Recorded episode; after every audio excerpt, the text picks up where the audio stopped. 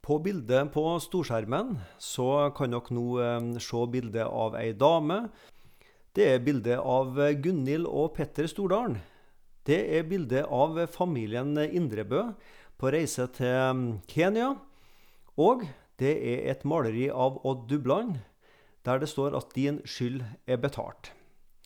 Så lurer du kanskje på er det noen fellestrekk mellom eh, de personene som er på bildet her mellom eh, Maria Magdalena, Gunhild Petter Stordalen, familien Indrebø og et maleri av et kors. Fellestrekket er i alle fall at eh, du skal få møte alle disse i løpet av denne talen. Jesus han er ute på reise, og det skjer mye rundt han nå. Syke blir friske, og mennesker som er besatt av demoner, de blir satt i frihet. Overalt hvor Jesus kommer, så stimler folk i byen eller landsbyen sammen rundt han. Vil det skje noe i byen vår i dag? Hvem i vår landsby vil bli kvitt sine sykdommer og plager når legen Jesus nå besøker oss? Spørsmålene er mange, og forventningene er høye når profeten fra Galilea kommer på besøk. Evangelisten Lukas skriver om en slik eh, preikenferd som Jesus hadde. I bibelteksten fra Lukas kapittel 8, vers 1-3, blir vi også kjent med navnene på noen kvinner som fulgte med i denne store disippelskaren rundt Jesus.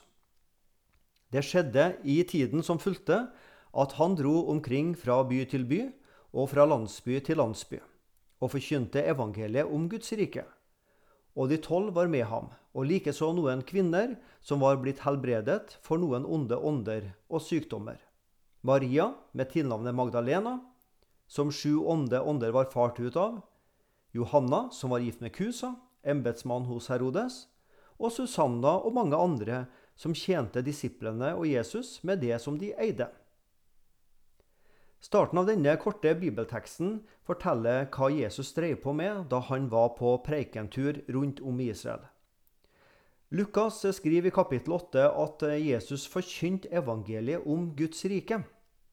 I andre bibeloversettelser står det at han forkynte det glade budskap om Guds rike. Ordet evangelium det er et eh, fremmedord. Det er gresk. Og det betyr nettopp godt budskap, eller det glade budskap.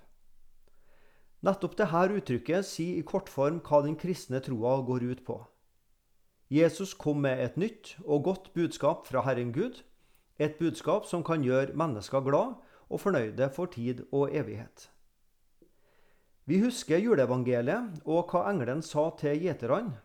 Frykt ikke, for se, jeg forkynner dere en stor glede, en glede for alt folket.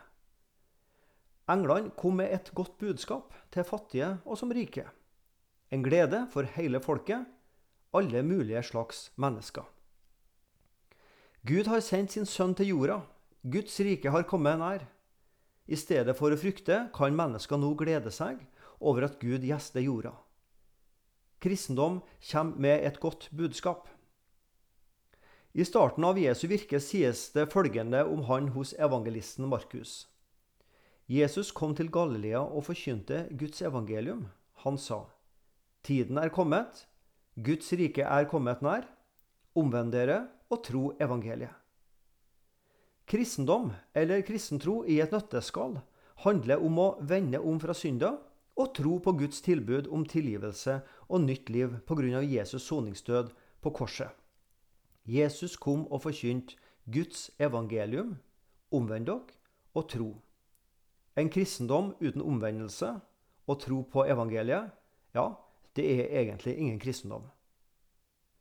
Til de gode nyhetene hører også at syke kan bli friske og demonbesatte kan settes i frihet.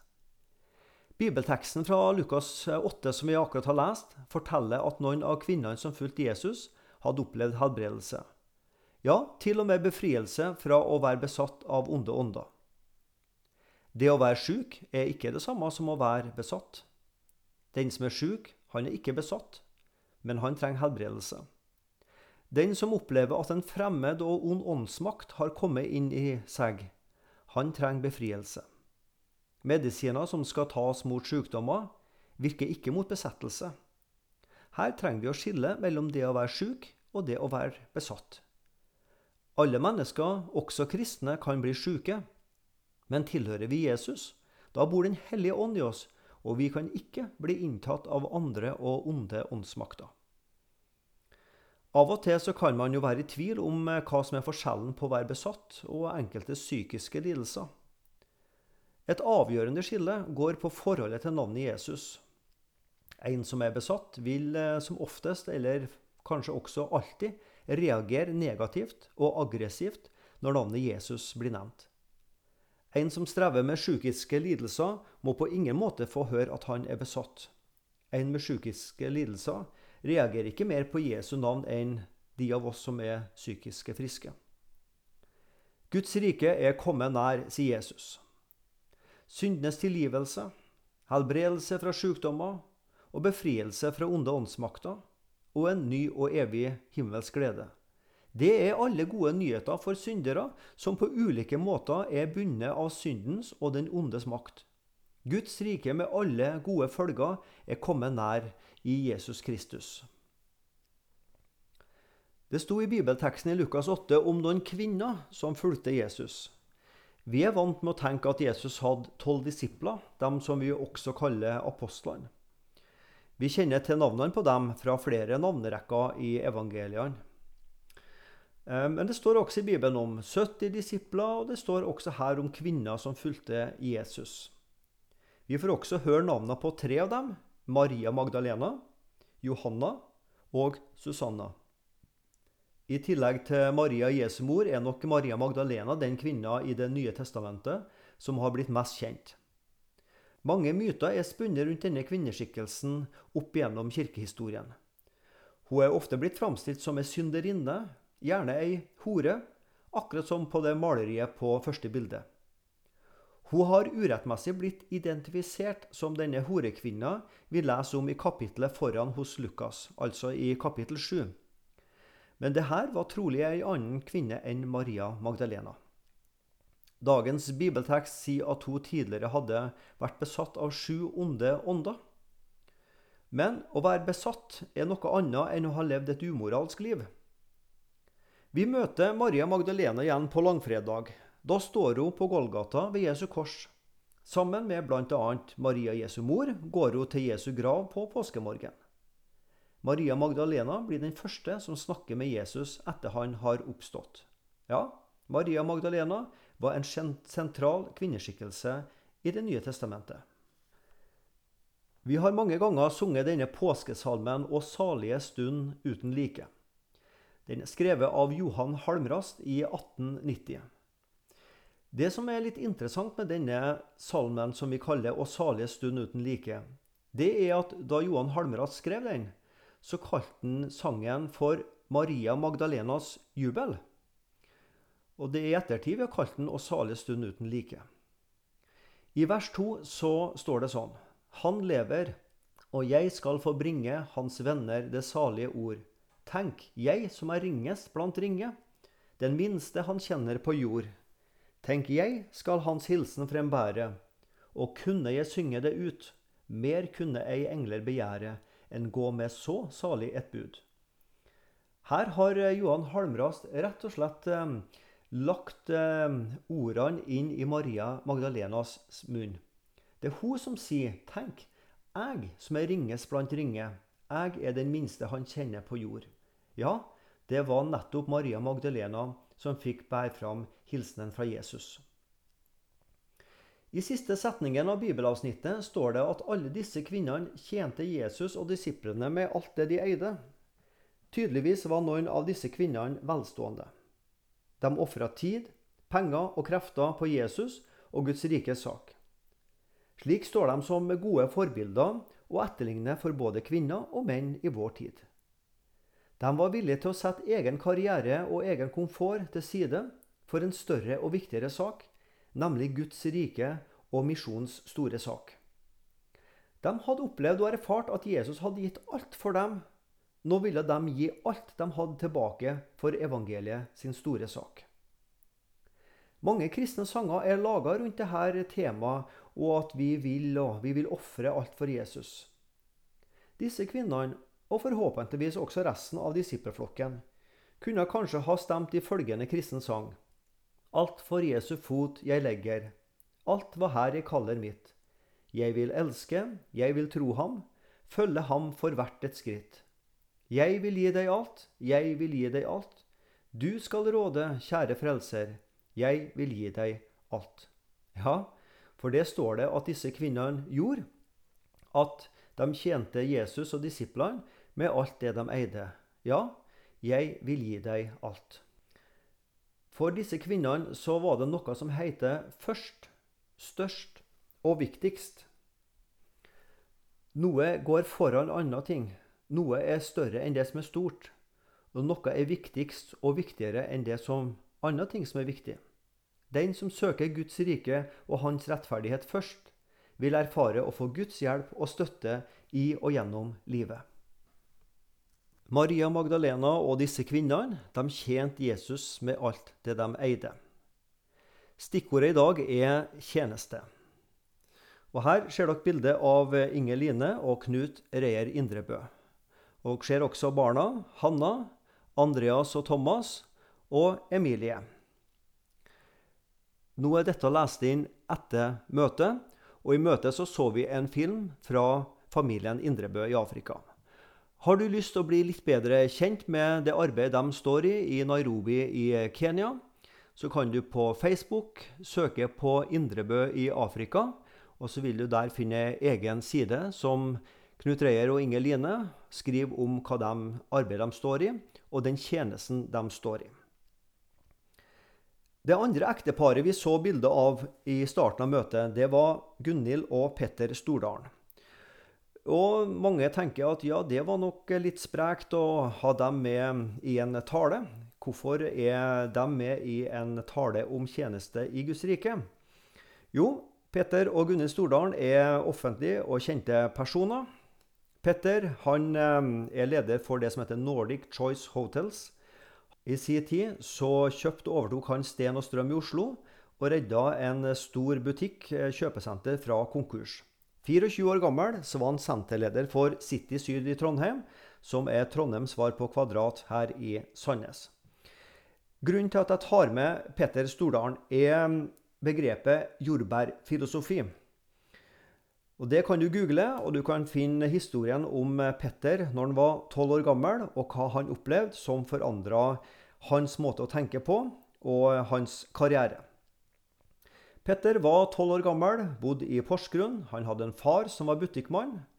Og han fikk i oppgave av faren å selge jordbær på torget i Porsgrunn. Tolvåringen fikk ikke solgt så mye jordbær de første dagene. Han kom en dag og klaga sin nød til faren og sa at de andre har jo finere parasoller, større border og mer fargerike og smakfulle jordbærer, ifølge tolvåringen sjøl. Og En kveld da han hadde klaga ganske mye, så sa faren til Petter. Petter, jeg skal lære deg én ting. Selg de bæra du har, for det er det eneste du kan selge. Her er jordbærfilosofien. Selg de bæra du har, for det er det eneste du kan selge. Denne kvelden, når en stuptrøtt tolvåring la hodet på puta, var det siste jeg tenkte på, sier Petter, før jeg sovna. Far min, han er et geni. Svaret hans, det forandra livet mitt. Jordbærfilosofien er at man selger de bæra man har, og ikke bryr seg om hva naboen selger. Det naboen selger, får man jo ikke gjort med noe likevel. I Misjonssalen er vi opptatt av tjeneste. Vi la oss nettopp om disse kvinnene i Lukas 8 som tjente Jesus og disiplene med alt det de eide. De tjente ikke Jesus med det de ikke eide. Ikke det som naboen eide. Ikke det de ønska at de en gang i framtida ville komme til å eie. Nei, de tjente Jesus og disiplene med det de hadde, med det de eide. Som kristne så spør vi oss av og til hva kan Gud bruke meg til? Han, Gud, vil at du skal tjene Han med de gavene Han har gitt deg. Ikke med de gavene Han har gitt til han eller hun som sitter på nabostolen. Å, hvor fort vi tenker og sier hadde jeg bare kunnet, så.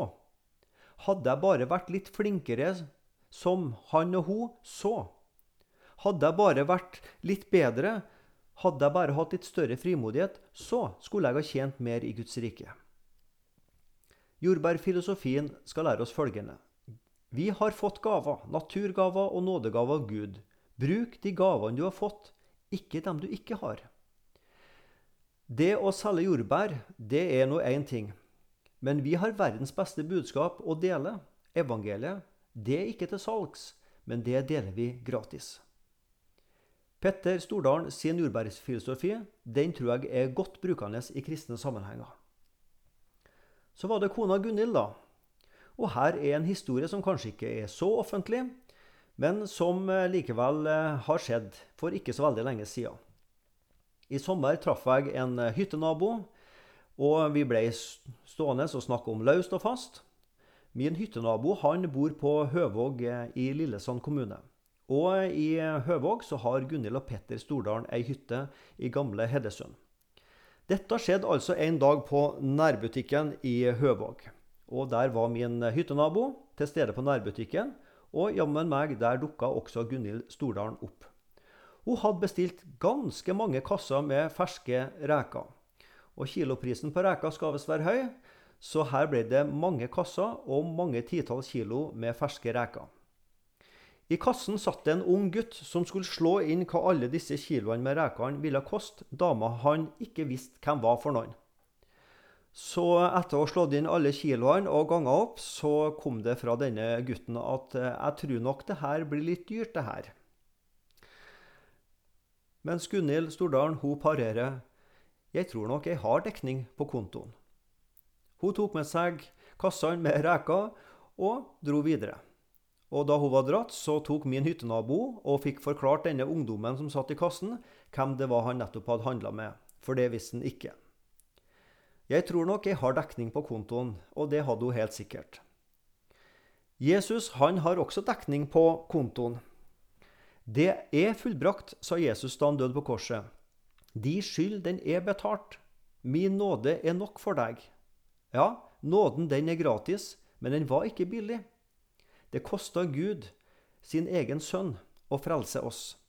Men heldigvis har Gud dekning for det han gjør.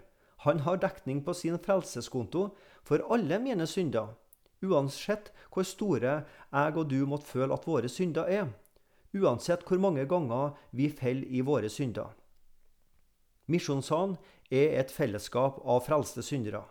Velkommen inn i fellesskapet med syndere som er fattige i oss sjøl, men som har blitt rike i en Gud full av nåde og sannhet. Velkommen til å tjene i dette fellesskapet med alt det du eier, og med alt det Gud har gitt deg, akkurat slik som Maria Magdalena, Johanna, Susanna og de andre kvinnene på Jesu tid gjorde.